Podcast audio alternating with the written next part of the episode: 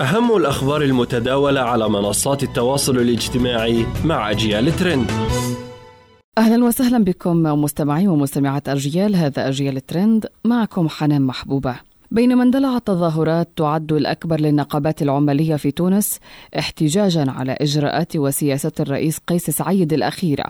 اشتعلت مواقع التواصل الاجتماعي بعشرات التعليقات الساخطة على اعتقال المعارضين. وانتقد مغاردون تصريحات الرئيس التونسي بشأن الاتحاد العام للشغل مؤكدين دعمهم للتظاهرات المقرر اليوم وغدا للدفاع عن الحريات والحقوق التي سلبت.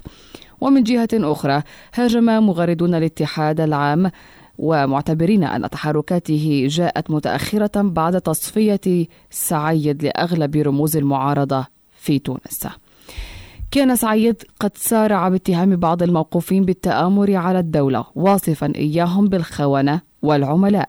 بعد أسابيع من اعتقالات استهدفت المعارضين في أول إجراءات كبيرة منذ انفراد سعيد بمعظم السلطات من عام 2021 عندما حل البرلمان وتحول الحكم بإصدار المراسيم تظاهر اليوم الاتحاد العام التونسي للشغل في العاصمة حشد الآلاف من أنصاره في استعراض لقوته بعد إجراءات اتخذها واتخذتها السلطات بحق المعارضين في الآونة الأخيرة.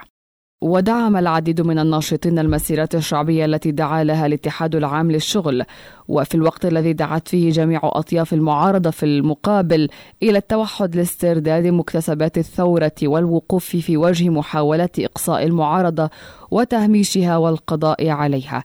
اتهم مغاردون الاتحاد العام للشغل بالتأخر في الانضمام للمعارضة السياسية. واتهم الناشطون الاتحاد بالتقاعس عن المواجهة منذ البداية إلى هنا نصل إلى ختام أجيال الترند. دمتم بخير وإلى اللقاء.